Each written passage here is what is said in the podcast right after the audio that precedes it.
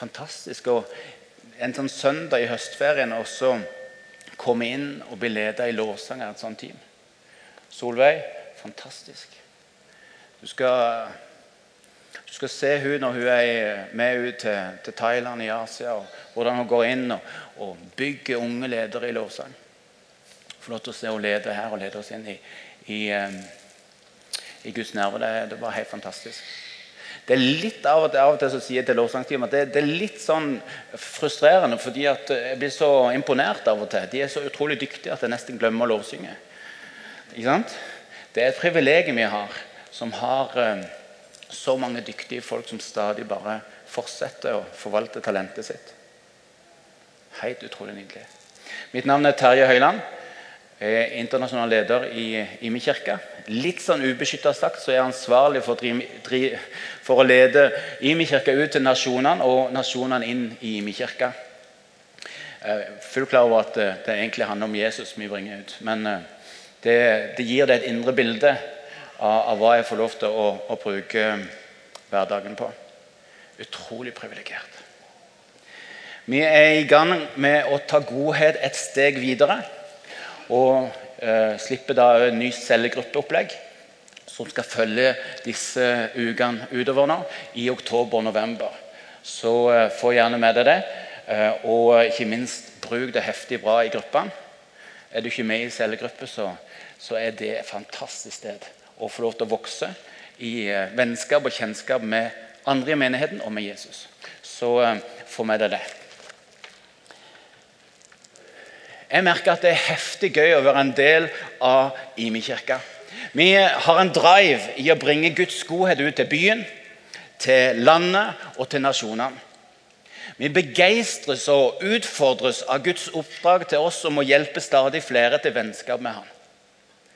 Vi er på utkikk etter nye måter å ryste denne verden med godhet. Vi leter aktivt etter hvilke godhetsaktører i samfunnet vårt som trenger å heies på f.eks. gjennom kollektene våre. Vi søker aktivt å stille oss på siden av de rettferdighetsløse. Og sånn som Jesus tar opp kampen sammen med deg og meg når vi er i trøbbel, så skal vi som er hans kirke, ta opp kampen sammen med de utsatte i samfunnet vårt. Jeg merker at jeg inspireres at eh, vi har så mange sprø folk i denne menigheten. Halleluja. som tar Guds godhet til, til nabolagene, til byen i helgene, til universitetet, inn i rusmiljøene, inn i idrettslagene, til de som trenger ny økonomisk oversikt, inn i, i fengslene osv. Hver mandag så samler 25 frivillige medarbeidere seg uh, her for å ha språkskole for 120 studenter. Kan du tenke deg? Akkurat nå reiser staben vår i Kambodsja av gårde på egen hånd for å trene 400 av totalt 1500 kirkeledere. Det, det, er jo egentlig helt, helt vilt, det vi får lov til å være en del av. Dette her er jo bare bitte litt av bildet. Det er bare Og så det, det, det, er helt, det er helt vanvittig hva vi får lov til å være en del av. Jeg kjenner jeg gleder meg til den store takkehelga 21. og 23. november, der vi skal løfte fram noen av årets historier. Og Du må gjerne allerede nå tenke ut hva du vil gi Gud ære for når vi åpner mikrofonen eh, for vitnesbyrd. Og vet du hva? Mye vil ha mer. Har du merka det? Mye vil ha mer. Som menighet har vi fått smaken på godhet og elsker å se små ting gjort i kjærlighet for å vandre verden til et stadig bedre sted å være. Vi overveldes av Guds godhet til oss og kan ikke la være å gi Guds godhet videre. Spørsmålet vårt er hvordan når vi enda lenger ut? Hvordan gir vi enda flere en smak av, av Guds godhet? Jeg har gått og, å nynne litt på De Lillos 'Smak av honning', så jeg lurte på om jeg skulle synge den her, men jeg tror bare jeg nevner den. Men gi folket smak av Guds godhet. I enhver kultur uh, vil det være motkrefter og mekanismer som gjør godhetsoppdraget vanskelig. En ting som vi ser i vår tid er at Det å smekke opp et kirkebygg ikke lenger uh, automatisk fører til at folk kommer i kontakt med Guds godhet. Selv om vi har privilegiet å møtes i et av Norges største kirkebygg, på siden av byens høyeste hotell, rett med Norges dyreste rundkjøring. erfarer vi at ikke, ikke alle, slett ikke alle vet hvor vi er, og som ikke på egen hånd finner veien til bygget. Derfor skal vi våge å tenke kirke mye enklere. Derfor skal vi våge å tenke mye enklere om å være kirke. Hva om eh, kirke er et bord i ditt hjem? Hva om kirke er et bord i et hjem? Hva om kirke dypest sett var så enkelt som å samles rundt et bord? Hva om vi ikke tenker lenger å plante kirke, men plante bordfellesskap i levende hjem? Hva om det ikke kommer an på bordets størrelse eller maten som settes på bordet? Hva om kirke er så enkelt at det handler om å sette seg rundt bordet sammen? Når Johannes skal forklare hvordan du kan bli en Jesusvenn, så sier han om Jesus Se, jeg står for døra og banker. Om noen hører min røst og åpner døra, så vil jeg gå inn til han og holde måltid. Jeg med han og han med meg. Eller jeg med han og han med meg. Bare jeg må øve litt så jeg ikke mister dialekten min. Holde måltid.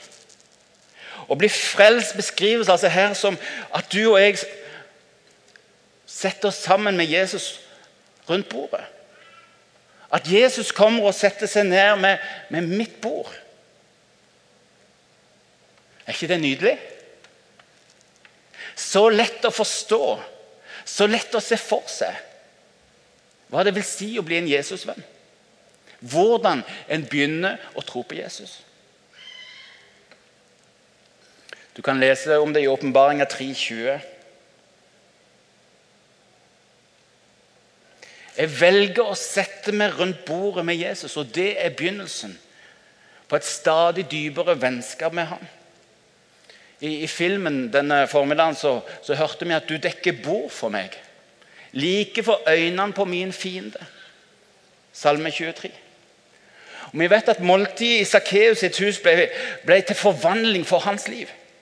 I løpet av måltidet fant han tilbake til sin sanne identitet og fant frihet fra at han tidligere hadde søkt status i penger og velstand.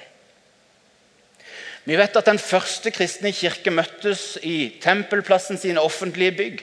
Men at styrken i fellesskapet kom fra det daglige måltidsfellesskapet som ble etablert i hverdagslige hjem. Etter endt arbeidsdag, etter dagens slit og glede, så tente de stearinlysene, satte fram kveldsmaten, delte hva de var takknemlige for, og hva som var krevende. Her kom det stadig nye fjes rundt bordet. Det var alltid plass til flere. Og om det ble litt trangt, så betydde, så betydde bare det at de kom enda nærmere hverandre. Her, før ungene ble lagt for kvelden, så tok de fram vin og brød og feira nattverd sammen. Akkurat som vi har gjort denne formiddagen. 3000 nye kristne fra pinsedagens gjennombrudd var en del av dette.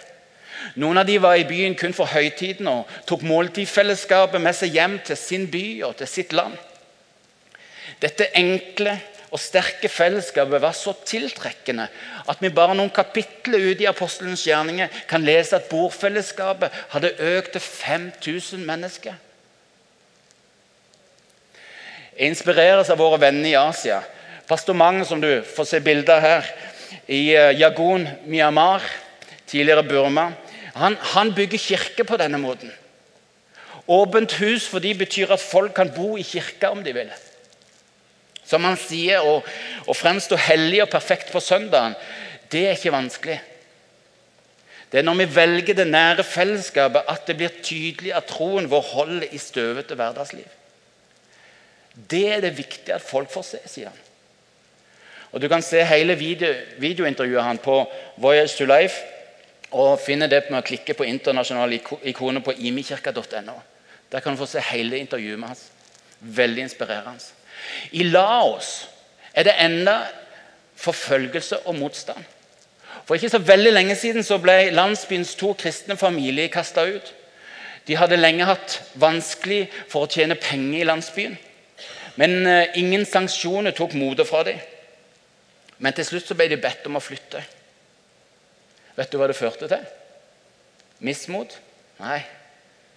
To nye kirker ble planta der hvor hver av familiene planta sitt nye bordfellesskap. En av evangelistene våre i Kambodsja, Tiger, som du ser bilde av her sammen med kona Det er han som i godhet binder landsbyens døde på ryggen og kjører de på mopeden sin fra sykehuset og tilbake til gravseremonien. 180 km.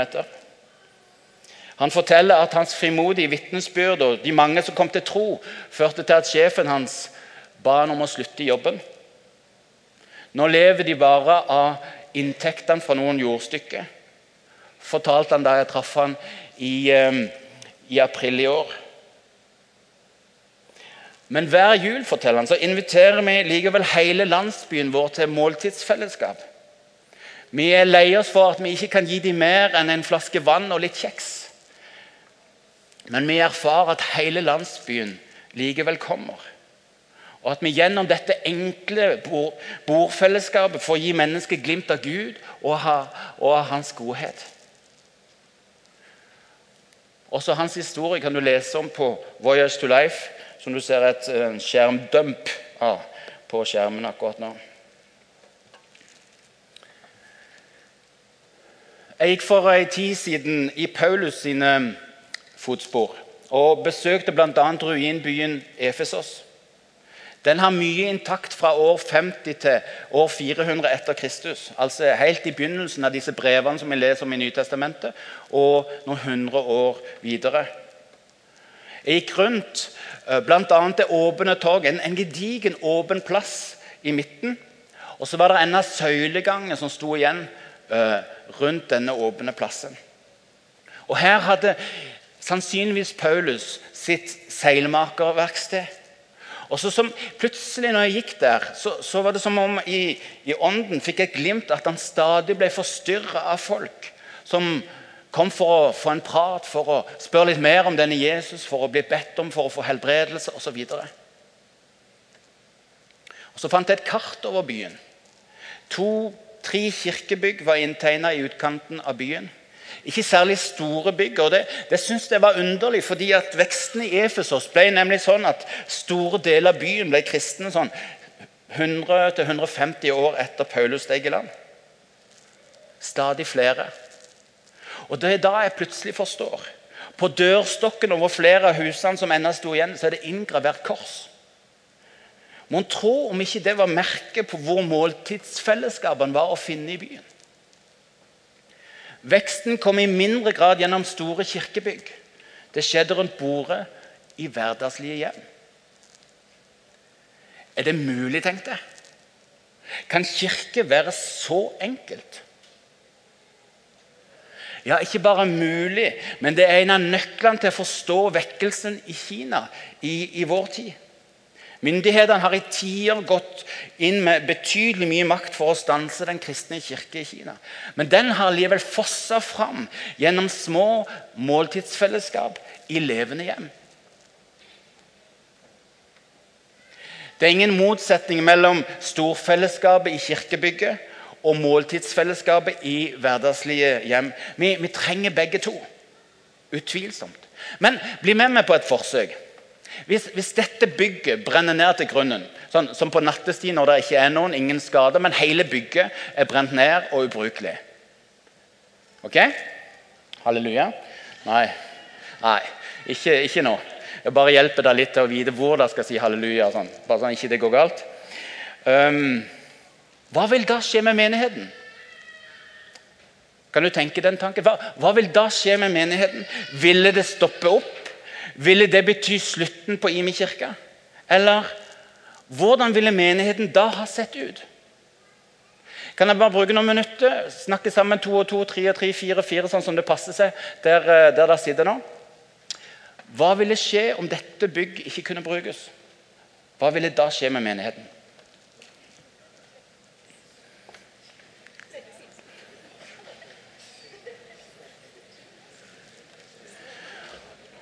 Du nå som ser dette på IMI TV på nettet, bare begynn å skrive ned. og Du kan snakke med deg sjøl der du sitter og ser på denne talen.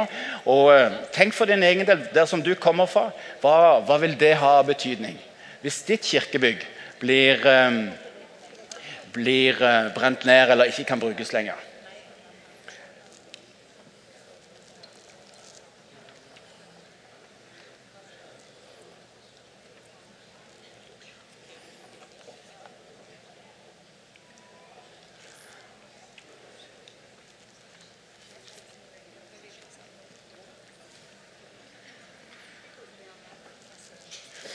Ok, Jesus kan snart komme igjen, så vi har ikke så mye tid. Uh, er det noen forslag? Bare råbud. ut. Hva, hva, hva, vil da kunne skje med menigheten hvis dette bygget ikke kunne brukes? La meg høre. Ikke alle på en gang nå. Det blir veldig vanskelig å skille fra hverandre. Noen? Det er åpenbart ikke ett riktig svar her, så ikke sitt og tenk på oh, kanskje ikke mitt svar er riktig. Okay? Men hva tenker du ville skjedd? Hva vil da menigheten ha blitt? Ja, kom igjen.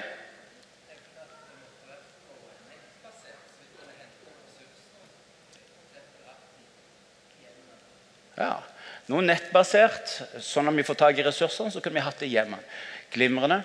Andre ideer? Kom igjen. Trenger ikke rekke opp, det er bare å ta ordet.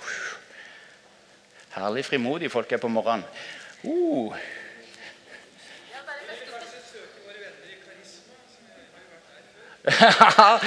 Kanskje vi bare ville begynt å gå i en annen menighet. Karisma nevnes, og vi vil bare ære dem for å være en god menighet. Så absolutt. Ja. Ja, Bare hjem til Martin og si OK, hva gjør vi nå? Ja, Det kan være en god løsning. Solveig?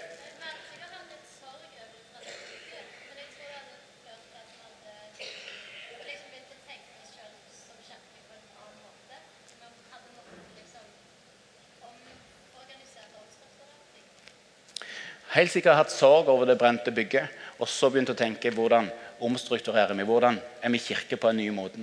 Nydelig. Og sånn kan vi fortsette. Jeg ser jo det er så mange som står i kø for å ha lyst til å fortelle hva de tenker. Du kan sende meg en mail etterpå hvis du kjenner at du brant inne med noe. Men eh, det er jo ikke sikkert at vi trenger å vente til en storbrann setter oss fri til å bringe Guds godhet ut. ikke sant? Det er jo ikke sikkert det er nødvendig. Hva om kirke er et målretta måltidsfellesskap i ditt hverdagslige hjem? Stiv Anne Kristin Brøns lever i dette, og jeg merker at jeg inspireres av hvordan de i høy grad av travelhet har fått dette til. Stiv, Vi sitter på en samling og de forteller om um, et, at enkelt kjøkkenbord fungerer enda bedre enn stivpynta bestestue.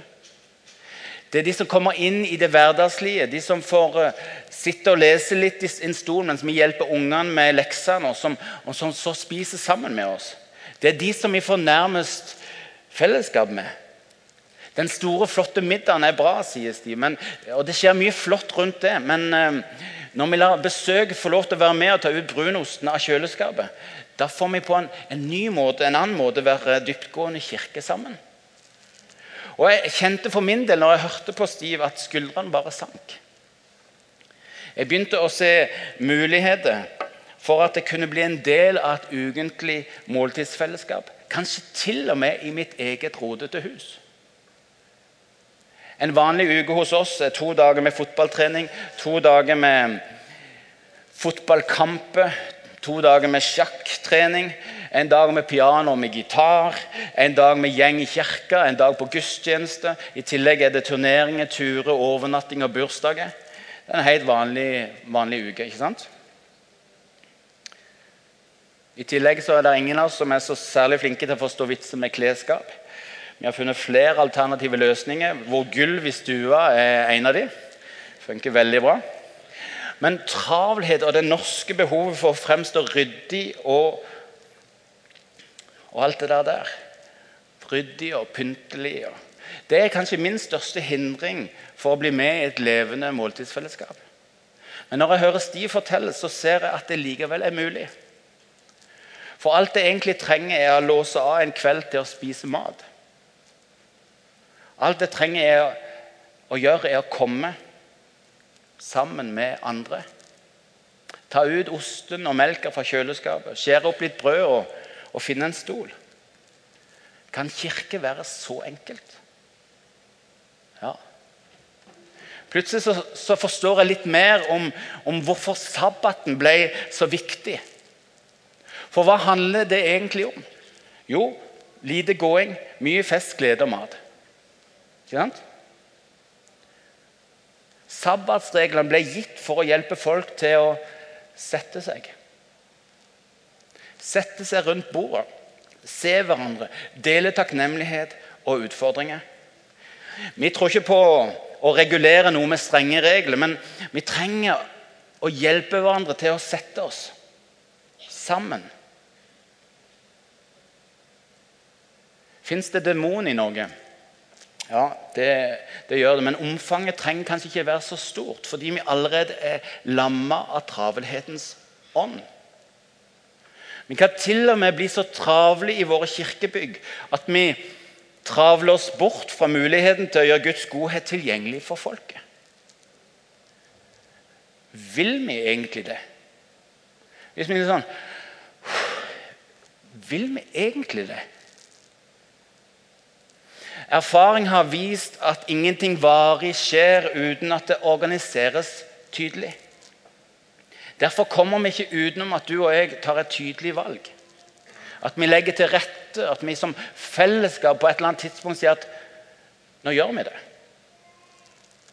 Spørsmålet er om du vil starte et måltidsfellesskap for din egen del, eller om du vil være med i et åpent måltidsfellesskap. Jeg har hatt sammen med Olaug Irene og, Hanne over 100 forskjellige middagsgjester rundt bordet de siste årene. Folk som er eh, ganske nye i, i IMI. og Hvis du var henne og snakket med Anne, så, så kommer du til å komme på, på, middag hos meg på tirsdag. Og Hvis du ikke var og tenkte fillen, der skulle jeg ha vært, så, så ordner vi det etterpå. Vi har vært litt uh, uheldige, vi har vært litt ulydige og servert fransk lammegryte, krema hjemmelagd fiskesuppe, karribasert kyllingrett og hjemmelagd gourmethamburger. Selv om enkel kveldsmat holder i massevis, så er vi ikke religiøst regelbundet her i Imi kirke. Så også om du vil ha det gøy og, og servere himmelsk god mat, så er det ok. Mellom hovedrett og dessert så lar vi hver gjest fortelle sin tros- og livshistorie. Spontant ærlig har folk begynt å fortelle om oppturer og nedturer. Og de har fortalt om tvil og tro. Det har vært folk rundt bordet som har sagt at jeg er ateist, men det er bare så godt å være en del av Jimmy og gå her. Fantastisk. Det liker vi. Dette er en menighet for ateister. Forstår meg riktig. ok? Er det et sted vi ønsker at ateister skal komme, så er det her. ikke sant?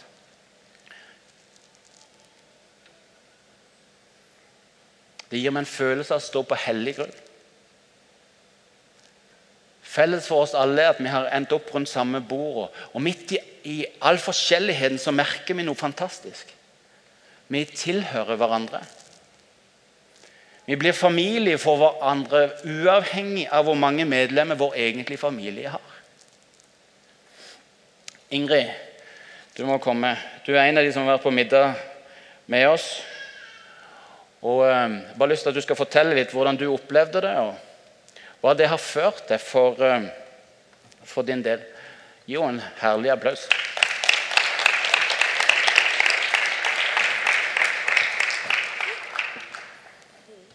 Bare fortell? Ja, stå på. Ja. Jeg var hjemme hos Olaug.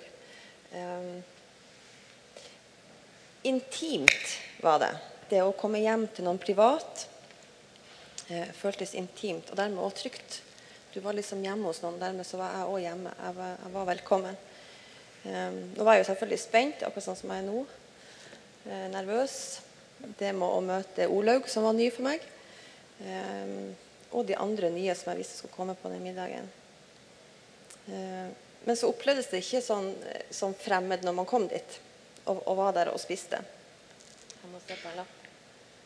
Um, og så hadde jeg òg på forhånd uh, vært inne på nettsida til IMI. Lest om alle kursene og tjenestene og alt det som gikk an å engasjere seg i. Så jeg hadde en sånn liten sånn at hvis om at, så er det det jeg vil gjøre, og det og det kunne jeg tenkt meg. Eh, Så når jeg dro hjem fra den middagen, så dro jeg hjem med et telefonnummer.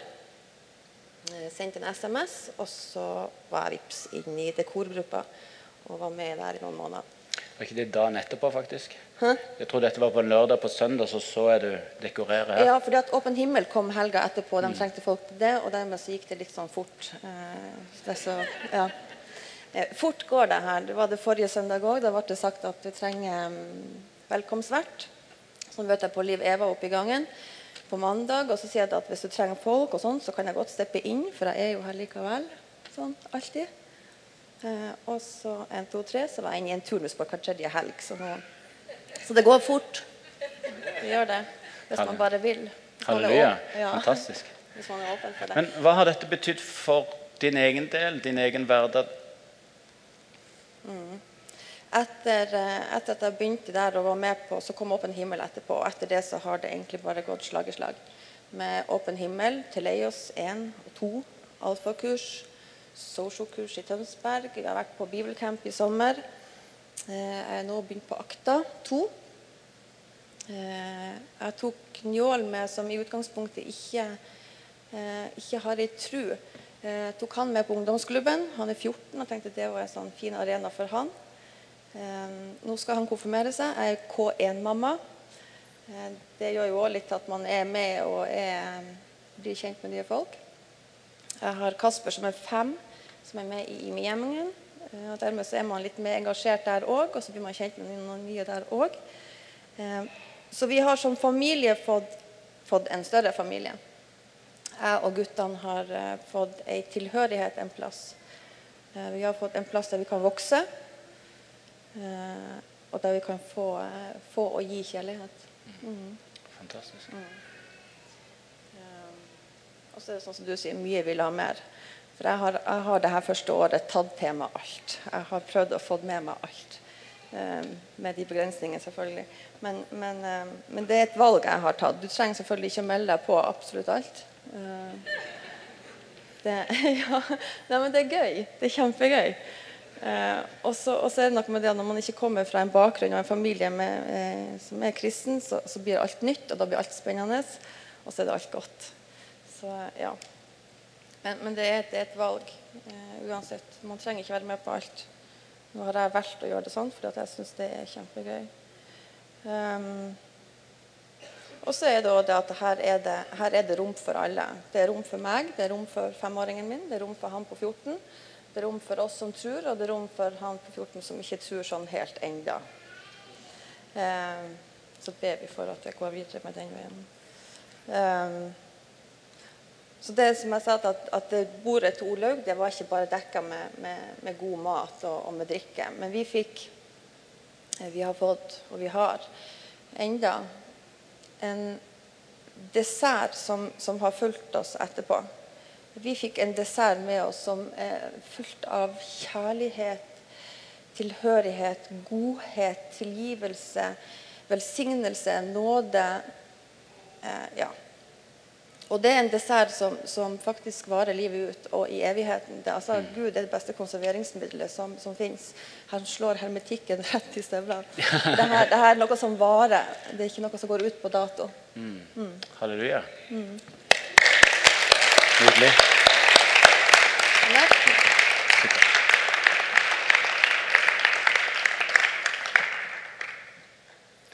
Hva om kirke er enklere enn du tror? Hva om kirke er et bord i et hjem? Hva om et enkelt bord i ditt hjem kan bli til forvandling for mennesker som lengter etter en erfaring av Guds godhet? La oss bare være litt stille og la det få synke inn. Hva tenker du for din egen del? Hva tenker du om å bli en del av et måltidsfellesskap? Hva hindrer deg? Hva tiltrekker deg? La oss bare la det synke litt, og så avslutter vi med en kort bønn snart.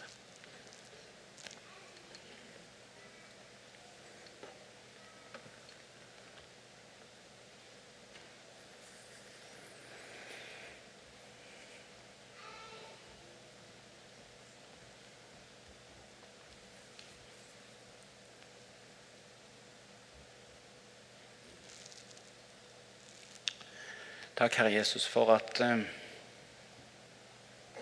at du er midt iblant oss, og der hvor vi er, så drar vi deg med oss. Der hvor vi planter måltidsfellesskap i et levende hjem, i et nabolag, så er du til stede. Og rundt bordet så kommer du og skaper forandring i, i våre liv.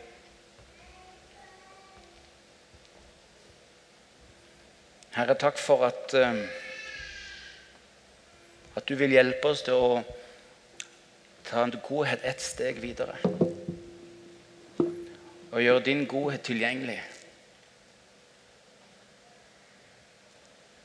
Der vi bor, der vi oppholder oss, der vi er, der vi, der vi kommer. Herre, vi bekjenner noe om travelhet. Kanskje om til og med litt skam i forhold til hvordan huset ser ut. Vi bekjenner, men ikke en bønn om tilgivelse, men rett og slett en bønn om å få lov til å med den bagasjen allikevel få lov til å være en del av dette. At travelhetens ånd ikke må få stoppe oss til å gjøre det som vi opplever er det aller viktigste. Men at du gir oss enkle veier til å gjøre din godhet tilgjengelig for stadig flere. Herre, kom og hjelp oss som fellesskap. Vi er begeistra ivrige etter å, å, bringe din godhet ut til stadig flere. I byen vår, i landet vårt og til nasjonene. Amen.